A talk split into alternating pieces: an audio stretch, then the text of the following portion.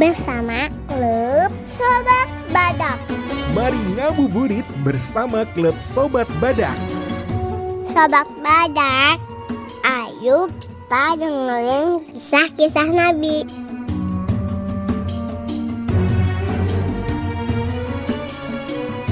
Mari ngabuburit bersama klub Sobat Badak. Persembahan klub Sobat Badak berkolaborasi dengan Rumah Dongeng Mentari. Mari ngabuburit bersama klub Sobat Badak. Disponsori oleh Larutan Penyegar Cap Badak.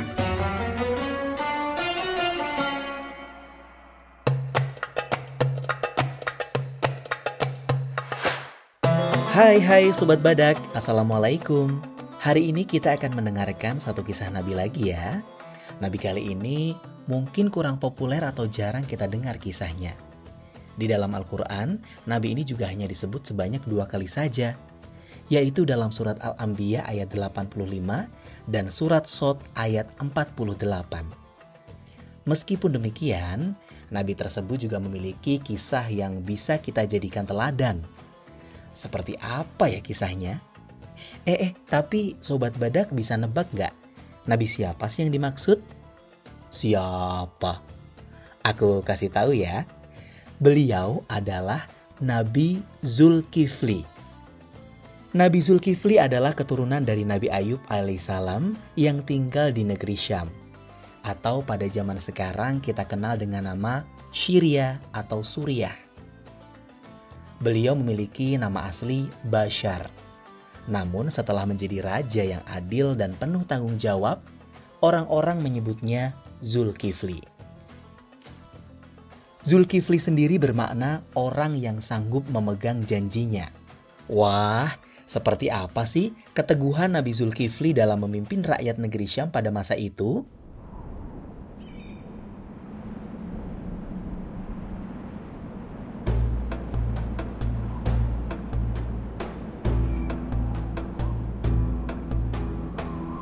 Dahulu kala di negeri Syam, hiduplah seorang raja yang sangat arif dan bijaksana. Raja tersebut adalah pemimpin yang sangat dicintai para warganya. Beliau juga seorang nabi dan rasul. Beliau adalah Nabi Ilyasa. Saat itu, usia Raja Ilyasa sudah cukup tua, sehingga beliau menginginkan ada seseorang yang melanjutkan perjuangannya.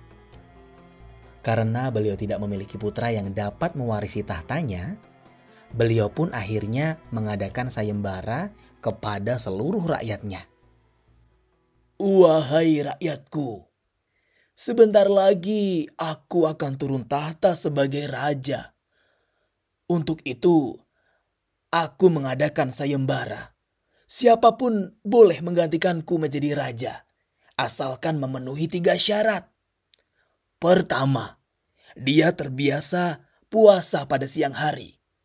Kedua, sholat malam setiap hari. Dan ketiga, mampu menahan marahnya. Persyaratan tersebut memang tidak banyak. Tetapi sepertinya kebiasaan tersebut sangat berat bagi orang-orang yang berkumpul di sana. Tidak ada satupun dari mereka yang berani mengangkat tangan. Seketika suasana menjadi hening. Raja melihat ke segala arah, tidak ada satupun yang berani mengeluarkan suara. Namun, tak berapa lama setelah itu, ada satu orang yang mengangkat tangannya. Kemudian dengan lantang mengucapkan, "Saya sanggup." Seluruh orang yang mendengar suara itu menatap dengan penuh keheranan dan merasa tak percaya ada yang berani menerima tawaran sang raja itu. Siapa? Siapa kau wahai pemuda? Benarkah kau sanggup menjalankan tiga syarat tadi? Saya Bashar, wahai tuanku. Insya Allah, atas izin Allah, saya siap melanjutkan perjuangan Baginda. Raja Ilyasa tak lantas percaya begitu saja atas apa yang dikatakan Bashar.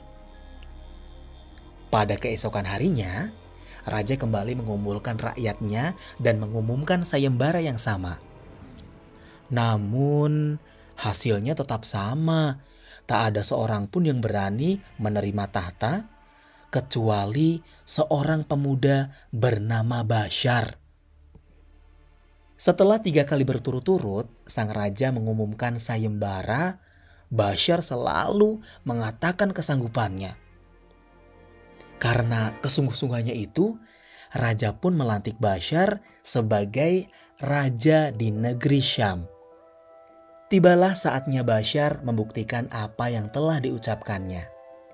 Beliau pun mulai memimpin negara dengan bijaksana dan kebaikannya. Selain menjadi raja yang mampu mengatur semua tata kota dan perekonomian, Bashar juga sangat lihai menjadi hakim ketika ada warga yang sedang bertikai. Tiga syarat yang ditetapkan raja sebelumnya juga beliau amalkan dengan baik. Beliau mampu bersikap ramah kepada siapa pun. Ketika ada masalah, maka akan diselesaikan dengan musyawarah dan kepala dingin. Siang harinya beliau menjalani puasa, sedangkan pada malam harinya tak pernah absen untuk beribadah kepada Allah Subhanahu wa Ta'ala. Seluruh rakyat merasa senang dan damai dipimpin oleh raja yang sangat mencintai rakyatnya itu. Sejak saat itulah Raja Bashar mendapat julukan Zulkifli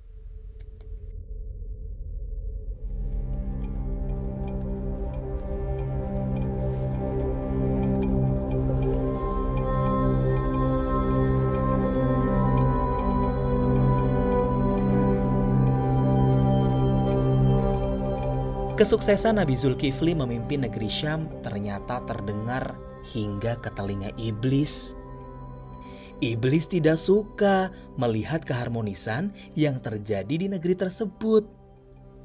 Untuk itulah iblis memerintahkan pasukan setannya untuk menggoda sang raja baru tersebut. Pasukan setan menggoda Nabi dari berbagai penjuru. Saat Nabi sedang sholat, sedang mengadili suatu perkara, sedang makan, ataupun apa pun yang dikerjakan Nabi Zulkifli. Namun, semuanya tak membuahkan hasil. Mereka semua gagal. Mendapati kegagalan para prajuritnya, iblis pun memutuskan untuk turun tangan sendiri. Maka, dia mendekati Nabi Zulkifli dengan menjelma menjadi seorang kakek tua. Strategi yang dijalankan iblis adalah mengganggu Nabi saat jam istirahat. Nabi beristirahat sekali saja saat siang. Nah, iblis berpikir apabila ia dapat mengganggu jam istirahat raja, kemungkinan raja akan marah. Atau jika tak bisa istirahat, malamnya sang raja akan sulit bangun melakukan sholat malam. Atau tidak bisa puasa pada siang harinya karena kelelahan. Benar-benar strategi yang sangat licik.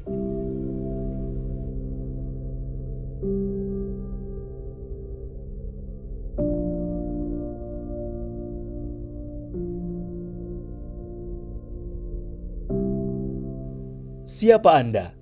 Mengapa Anda datang siang-siang saat saya hendak beristirahat? Maafkan aku, Raja. Aku datang kemari untuk meminta keadilan. Aku telah dizolimi oleh tetanggaku. Kakek tua yang merupakan jelmaan iblis itu terus saja berbicara. Terus saja bercerita. Dia mengeluhkan apa pun. Mengatakan apa saja yang dapat membuat waktu istirahat Nabi habis begitu saja. E, kakek, saranku Datanglah ke majelis peradilan sore nanti, maka aku akan bantu menyelesaikan masalahmu. Mohon tidak datang saat jam istirahat seperti ini ya. Sang raja pun menjelaskan dengan penuh kesabaran. Pada sore harinya, kakek tua itu tak mendatangi undangan sang raja. Raja pun tidak mempermasalahkannya. Namun esok harinya, di jam yang sama, kakek tua itu datang kembali ke sang raja. Kakek, bukankah aku sudah mengatakan padamu bahwa kau tidak perlu datang pada siang hari di jam istirahat? Datanglah pada sore hari, maka aku akan bantu menyelesaikan masalahmu. Maaf, Raja, tapi tetanggaku ini sangat pintar berbohong. Jika di depanmu, dia bisa saja berjanji baik kepadaku. Namun, jika kau sudah tak ada, dia akan kembali mendolimiku. Iya, kakek. Bersabarlah. Aku akan membantumu datanglah kembali sore nanti. Ya? Pada sore harinya, kakek tua itu tentu saja tidak datang lagi ke undangan sang raja. Tujuan kakek itu kan memang ingin membuat raja naik pitam. Tapi ternyata Nabi Zulkifli tetap bisa menghadapi tipu muslihat iblis itu dengan senyuman.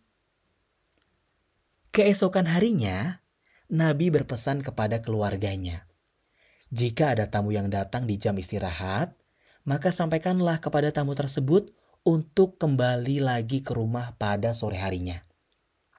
Nabi butuh istirahat karena sudah dua hari istirahat siangnya terganggu. Beliau butuh istirahat agar malamnya bisa bangun untuk sholat dan siang harinya melanjutkan puasa. Benar saja, iblis kembali datang ke rumah raja dengan berubah bentuk menjadi kakek tua lagi. Keluarga raja tak memberikan izin untuk masuk. Beberapa kali si kakek memohon, tapi keluarga tetap tak mengizinkannya masuk. Mendapatkan penolakan tersebut, iblis tidak menyerah. Ia mengelilingi rumah sang raja dan mencari celah untuk masuk.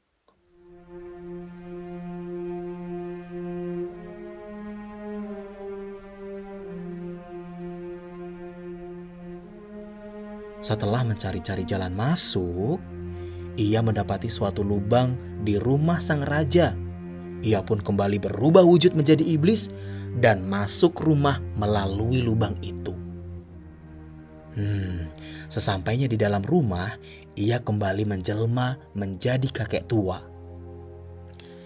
Nabi Zulkifli pun kaget melihat kakek tua itu dapat masuk ke dalam rumah.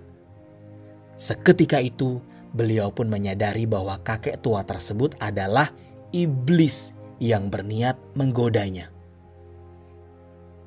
Kau pasti iblis laknatullah. A'udzubillahi rajim.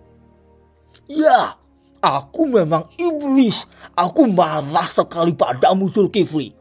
Mengapa kau sulit sekali kami goda, ha? Tidak ada siapa pun kecuali Allah yang jadi pelindungku. Pergilah kau iblis.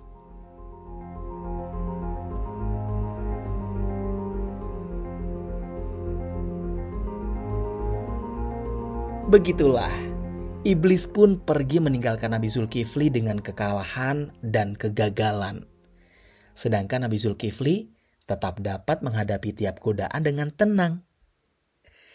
Berkat ketakwaan kepada Allah dan selalu meminta perlindungan dari Allah, Nabi Zulkifli akhirnya dapat terbebas dari godaan setan dan iblis. Nah, begitu deh ceritanya Sobat Badak. Luar biasa sekali ya kesabaran Nabi atau Raja Zulkifli. Semoga kita juga bisa meneladani keteguhannya ya. Dalam menahan amarah, membiasakan puasa, dan sholat malam setiap hari. Amin. Terima kasih teman-teman sudah mendengarkan. Sampai jumpa di kisah-kisah berikutnya ya.